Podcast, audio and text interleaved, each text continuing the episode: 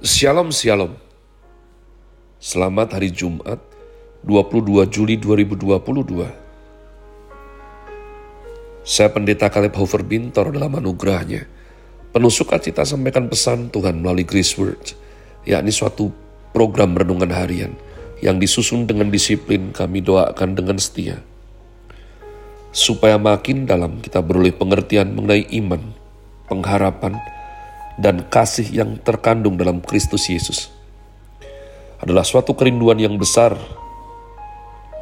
agar supaya kasih dan kuasa firman Tuhan setiap hari tiada pernah berhenti menjamah hati saudara. Menggarap pola pikir kita. Paling utama hidup kita boleh sungguh terbukti berubah tidak menjadi serupa dengan dunia, melainkan mengalami pembaharuan sehingga Christ likeness makin seperti Kristus. Berada dalam season autumn dengan tema bulan ini Boldness for the King. Grace Word hari ini saya berikan judul Yehezkiel 34. Sebab demikianlah komitmen membaca kitab suci sesuai agenda hari ini mencapai Fatsal 34 kitab Yehezkiel. Tuhan gembala Israel yang baik melawan gembala-gembala yang jahat. Lalu datanglah firman Tuhan kepadaku, Hai anak manusia, bernubuatlah melawan gembala-gembala Israel. Bernubuatlah dan katakanlah kepada mereka, kepada gembala-gembala itu, Beginilah firman Tuhan Allah. Celakalah gembala-gembala Israel yang menggembalakan dirinya sendiri. Bukankah domba-domba yang seharusnya digembalakan oleh gembala-gembala itu? Kamu menikmati susunya. Dari bulunya kami, kamu buat pakaian. Yang gemuk kamu sembelih. Tetapi domba-domba itu sendiri tidak kamu gembalakan. Yang lemah tidak kamu kuatkan. Yang sakit tidak kamu obati yang luka tidak kamu balut, yang tersesat tidak kamu bawa pulang, yang hilang tidak kamu cari, melainkan kamu injak-injak mereka dengan kekerasan dan kekejaman. Dengan demikian, mereka berserak oleh karena gembala tidak ada, dan mereka menjadi makanan bagi segala binatang di hutan.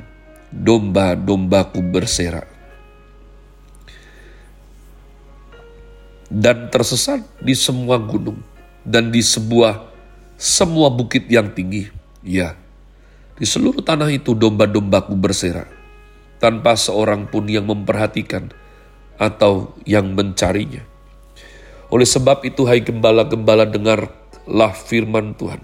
Demi aku yang hidup, demikianlah firman Tuhan Allah.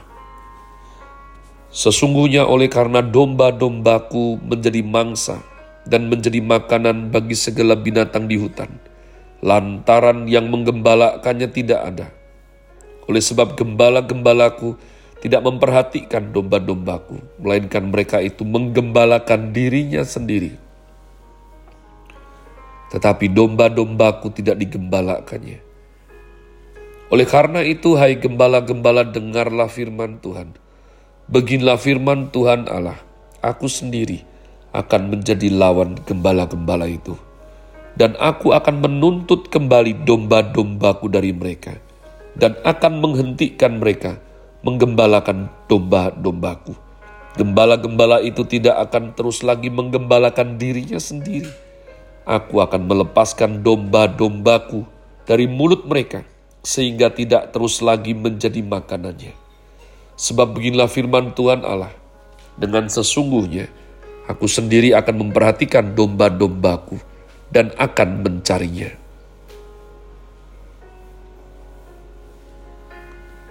Seperti seorang gembala mencari dombanya. Pada waktu domba itu tercerai dari kawanan dombanya. Begitulah aku akan mencari domba-dombaku, dan aku akan menyelamatkan mereka dari segala tempat ke mana mereka diserahkan pada hari berkabut dan hari kegelapan. Aku akan membawa mereka keluar dari tengah bangsa-bangsa dan mengumpulkan mereka dari negeri-negeri dan membawa mereka ke tanahnya. Aku akan menggembalakan mereka di atas gunung-gunung Israel, di alur-alur sungainya, dan di semua tempat kediaman orang di tanah itu. Di padang rumput yang baik, akan kugembalakan mereka. Dan di atas gunung-gunung Israel yang tinggi, di situlah tempat penggembalaannya. Di sana di tempat penggembalaan yang baik mereka akan berbaring, dan rumput yang subur menjadi makanannya di atas gunung-gunung Israel. Aku sendiri akan menggembalakan domba-dombaku, dan aku akan membiarkan mereka berbaring. Demikianlah firman Tuhan Allah. Yang hilang akan kucari, yang tersesat akan kubawa pulang, yang luka akan kubalut, yang sakit akan kukuatkan, serta yang gemuk dan yang kuat akan kulindungi. Aku akan menggembalakan mereka sebagai mana seharusnya. Dan hai kamu domba-dombaku beginilah firman Tuhan Allah. Sungguh, aku akan menjadi hakim di antara domba dengan domba, dan di antara domba jantan dan kambing jantan. Apakah belum cukup bagimu bahwa kamu menghabiskan padang rumput yang terbaik? Mesti pulakah kamu injak-injak padang rumput yang lain-lain dengan kakimu? Belum cukup bahwa kamu minum air yang jernih. Mesti pulakah yang tinggal itu kamu keruhkan dengan kakimu?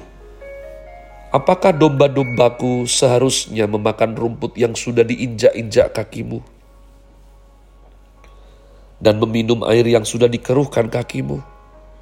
Oleh sebab itu beginilah firman Tuhan Allah terhadap mereka. Dengan sesungguhnya aku sendiri akan menjadi hakim di antara domba yang gemuk dengan domba yang kurus.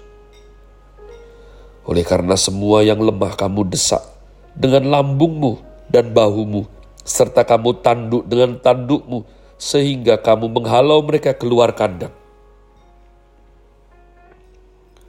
Maka aku akan menolong domba-dombaku, supaya mereka jangan lagi menjadi mangsa, dan aku akan menjadi hakim di antara domba dengan domba, Aku akan mengangkat satu orang gembala atas mereka yang akan menggembalakannya, yaitu Daud hambaku.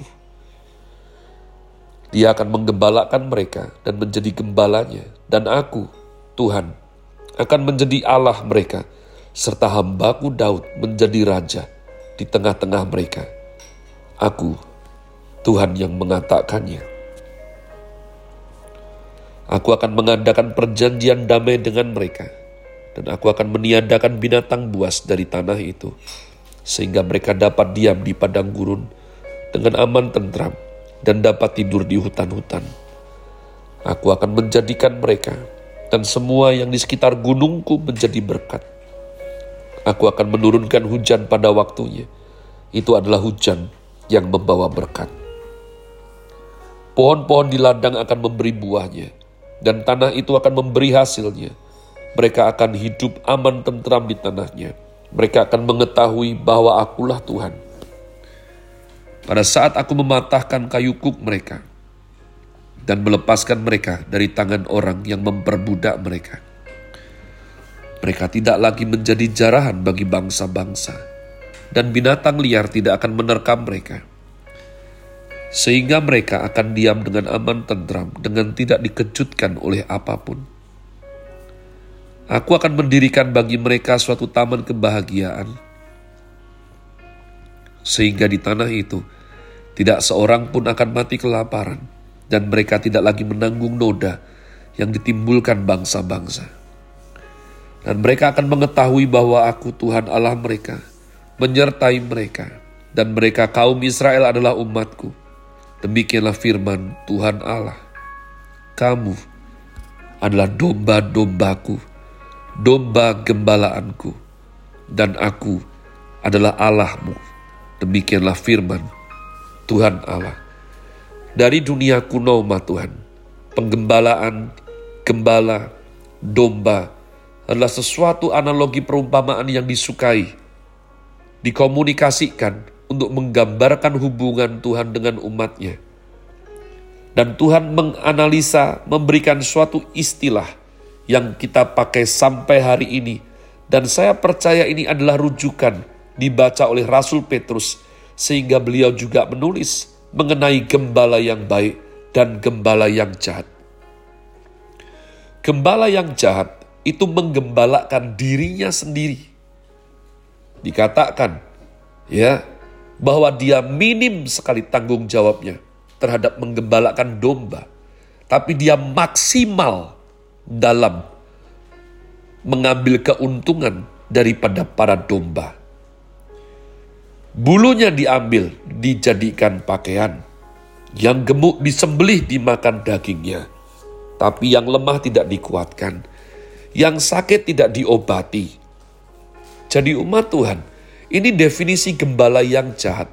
Saya aneh sekali dan sudah tidak menerima bentuk konseling daripada gereja lain yang mengeluhkan gembala mereka.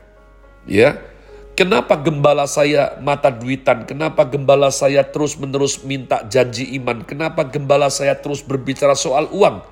Uang dan uang. Toh kamu suka di situ.